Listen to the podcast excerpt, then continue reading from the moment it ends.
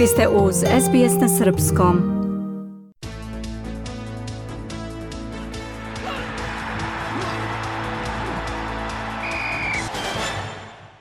Argentinski futbaler Lionel Messi dobitnik je Zlatne lopte za 2023. godinu. Prestižno priznanje magazina France Football pripalo je kapitenu prvaka sveta po osmi put u njegovoj karijeri, a u glasanju je pobedio Erlinga Haalanda, Kiliana Mbappea, Kevina De Bruyne i Rodrija.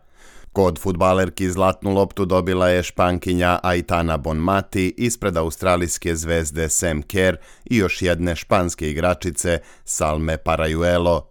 Bon Matijevo je nagradu uručio najbolji teniser sveta Novak Đoković koji je bio specijalni gost na futbalskoj gala večeri u Parizu. Za najbolje timove u protekloj sezoni izabrani su Manchester City u muškoj i Barcelona u ženskoj konkurenciji. Norvežaninu Halandu je pripala nagrada Gerd Miller za najboljeg napadača, Trofej Lav za najbolje golmana dobio je Argentinac Emiliano Martinez, dok je Kopa trofej kao najbolji mladi igrač dobio engleski reprezentativac Jude Bellingham iz Real Madrida. Za to vreme košarkaši Partizana pobedili su Crvenu zvezdu i u derbiju odigranom u okviru Jadranske lige 98-87. Večiti rivali sada imaju isti učinak u regionalnom takmičenju od četiri pobede i jednog poraza i nalaze se na deobi drugog mesta, dok jedino prvoplasirana budućnost iz Podgorice ima 100% učinak.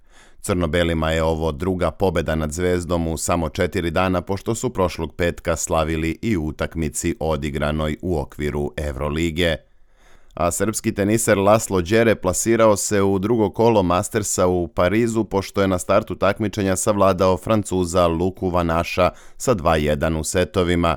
Đere će u drugoj rundi igrati protiv ruskog tenisera Karena Hačanova koji je sa 2-0 pobedio Australijanca Maxa Parsela. Večeras takmičenje počinju Mijomir Kecmanović koji se sastaje sa Argentincem Ečeverijem i Dušan Lajović protiv Francuza Bonzija. Novak Đoković je kao prvi nosilac slobodan na startu turnira, a u drugom kolu igraće upravo protiv boljeg iz meča Kecmanovića Čeveri. SBS ogledalo aktualnih zbivanja u sportu.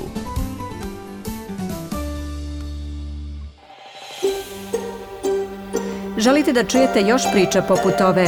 Slušajte nas na Apple Podcast, Google Podcast, Spotify ili odakle god slušate podcast.